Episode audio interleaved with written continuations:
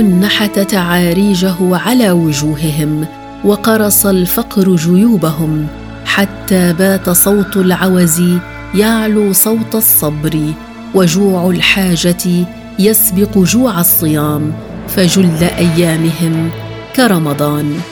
لكن بركات الشهر الفضيل تأبى إلا أن تجود عليهم بلقمة تغنيهم عن ذل السؤال مغلفة بالحب مصنوعة بالإحسان في مبادرة بنك الطعام.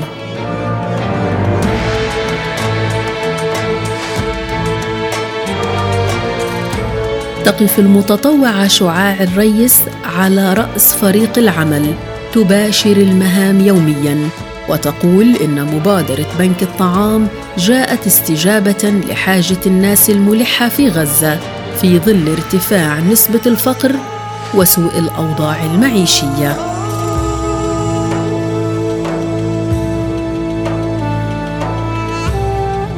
بدأت فكرة بنك الطعام آه، رمضان الماضي. لما كان بتردد عنا ناس محتاجة آه، سواء مساعدات إغاثية أو مساعدات طعام. كان الطلب على الأكل متزايد جدا. آه، سواء سلات خضار سواء آه، أكل مطبوخ سواء سلات سحور. فإجت فكرة بنك الطعام إحنا ليش ما نعمل بإيدنا ونسلم الأسر هذه طبخة تكفيها يفطروا فيها؟ لأنه أحيانا بتيجي الأسرة بتقولي طب أنت أعطيتيني الخضرة طب أنا ما عنديش غاز. طب أنت أعطيتيني طب أنا ما عنديش لحمة مثلا. فإحنا قررنا إنه إحنا بدنا نطبخ بإيدينا ونسلم الأسر هذه أكل جاهز مطبوخ.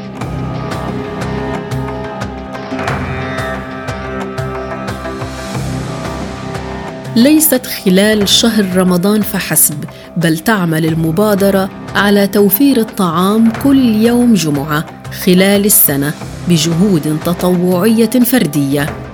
وحسب ما بيحكي محمود غانم أنه وفريق المتطوعين يعملون خلال شهر رمضان بشكل يومي لتأمين وجبات الإفطار للمحتاجين.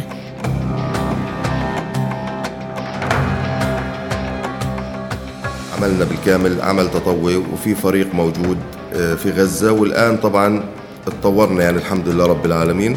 في جباليا كمان في فريق من المتطوعات بشكل كامل. 12 متطوعة موجودة في جباليا آه، في غزة تقريبا ثمانية من المتطوعين والمتطوعات. كانت في روح حلوة بين الموجودين. ليش؟ لأنه ما في حدا جاي بناء على مصلحة معينة. هو من داخله رغبان أنه يجي. فهاي روح المبادرة وروح التطوع الموجودة. والروح الموجودة عند الناس إنها حابة تخدم الناس التانيين. هذا شيء شجعنا جميعا على الاستمرار. كل ما واحد منا يشعر يعني يوم الجمعة هو يوم راحة عند الجميع. تخيل إحنا تقريبا فريق العمل سنة كاملة مرتاحش يوم الجمعة. لكن ما في كلل ولا ملل بالعكس إحنا مبسوطين بنرتاح. كل التعب بروح وإحنا شايفين آه، نظرة ال ال والابتسامة في وجوه الناس وهم بيستلموا الطعام. في اللحظة هاي إحنا ما يعني كل التعب والجهد بيتلاشى.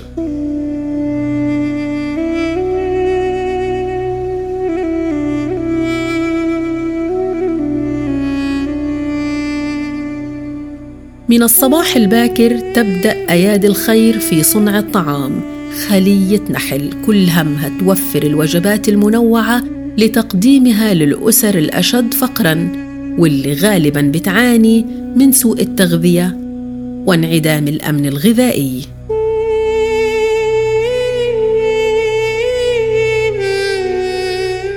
آه، بيبدأ العمل هو آه، بتجميع الطلبات أو متطلبات الأكل اللي بدنا نعمله.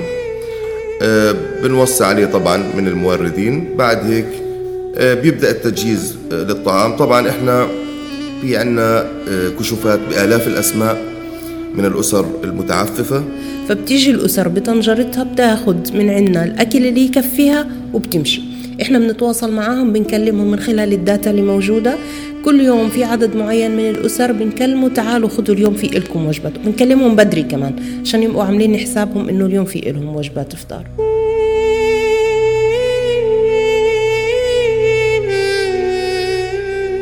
عملية الطبخ لعدد كبير هي مش عملية بسيطة وعملية فيها مخاطرة للطعام لكن الحمد لله يعني آه، ما حصل معنا أي مشكلة قبل هيك.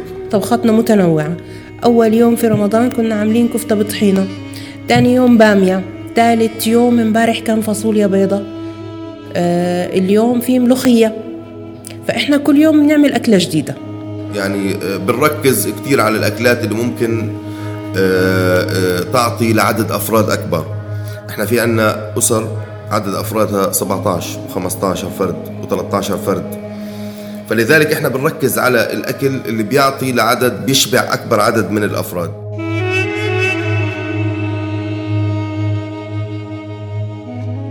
وعلى الرغم من ضعف الموارد المالية وغياب الدعم والتمويل إلا أنه هالمبادرة اللي بيستفيد منها أكثر من 150 أسرة.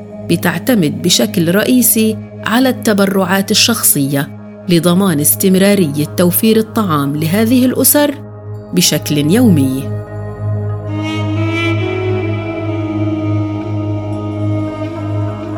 إحنا بنعتمد على مجهودنا الذاتي مجهودنا الفردي في جلب التبرعات من الناس اللي حوالينا في لمبادرة بنك الطعام وتمويل بنك الطعام. إحنا كمان السنة فتحنا فرع جديد في جباليا. يعني صار في بنك الطعام في غزة وبنك الطعام في جباليا. العام الماضي رمضان الماضي كان العدد حوالي 70 أسرة. السنة 150 أسرة يعني العدد تضاعف. آه، إحنا ما عندناش موازنة موجودة أساسا. إحنا بنشتغل يعني اليوم بنخلص اللي هو توزيع الطعام وبنبدأ نفكر بتجميع مبالغ أو بتجميع المواد لطعام بكرة. الطريقة هاي. نتواصل مع التجار مع الأصدقاء مع المعارف. بالطريقة هاي إنه والله إحنا في عنا بكرة حابين نعمل طعام اللي هو مثلا آه، طبيخ ملوخية. المتطلبات تبعته إحنا بدنا في غزة 100 أسرة عنا في جباليا في 80 أسرة. آه، طبعا إحنا كل يوم بنزيد عدد الأسرة حسب المواد المتوفرة لدينا. يعني توفر بزيادة خمس أسر بنبلغ كمان خمس أسر. زي ما بدينا بعشرين أسرة في البداية الآن يفوق المية في جباليا بدأنا بعشرين أسرة الآن 80 يعني الحمد لله يوم عن يوم في تقبل للفكرة.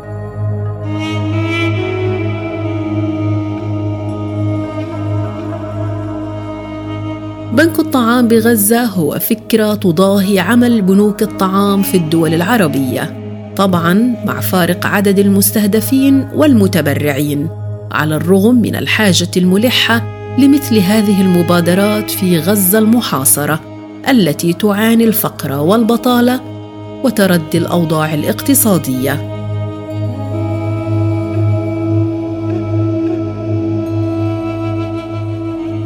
كتير في ناس بتفكر إنه إحنا برا بيكلمونا أنتوا بنك الطعام المصري؟ أنتوا بنك الطعام مش عارفه لا إحنا بنك الطعام غزة. يعني حتى اللي بيشوف الصور وبيشوف الصفحة بيفكرها من برا لأنه الحمد لله إحنا بنطبخ بقيمة كبيرة جدا بطريقة آه، مرتبة بطريقة إنسانية عالية جدا. في تشابه كبير بين بنك الطعام الفلسطيني مع بنك الطعام العالمي كله من حيث أنه بيعطي آه، يعني بيقضي على الجوع تمام بيوفر وجبات للأسر. لكن من حيث المعدات من حيث الأجهزة من من ناحية الأعداد أكيد طبعا إحنا نتمنى ونأمل إنه نوصل لهيك الحال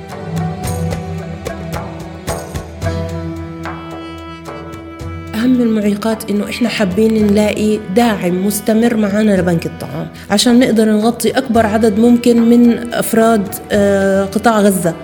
اللي فعليا مش قادرين يوفروا لقمتهم على الأقل. غير قصة العلاج غير قصة العمليات غير قصة الدراسة في الجامعات. إحنا عندنا كتير مبادرات. بس حاليا إحنا بنحكي عن بنك الطعام لأنه في رمضان موسم بنك الطعام. نأمل أنه نحصل على دعم يوقفنا على رجلينا نقضي على الجوع في قطاع غزة كامل. مش بس في مدينة غزة في كامل قطاع غزة. يصير لنا أفرع في الشمال وفي الجنوب وإحنا بدينا. بدينا في التوزيع. بس الإمكانيات لا تسمح بأكثر من هيك. نتأمل إنه صوتنا يوصل للعالم كله ونلاقي دعم يغطي غزة كلها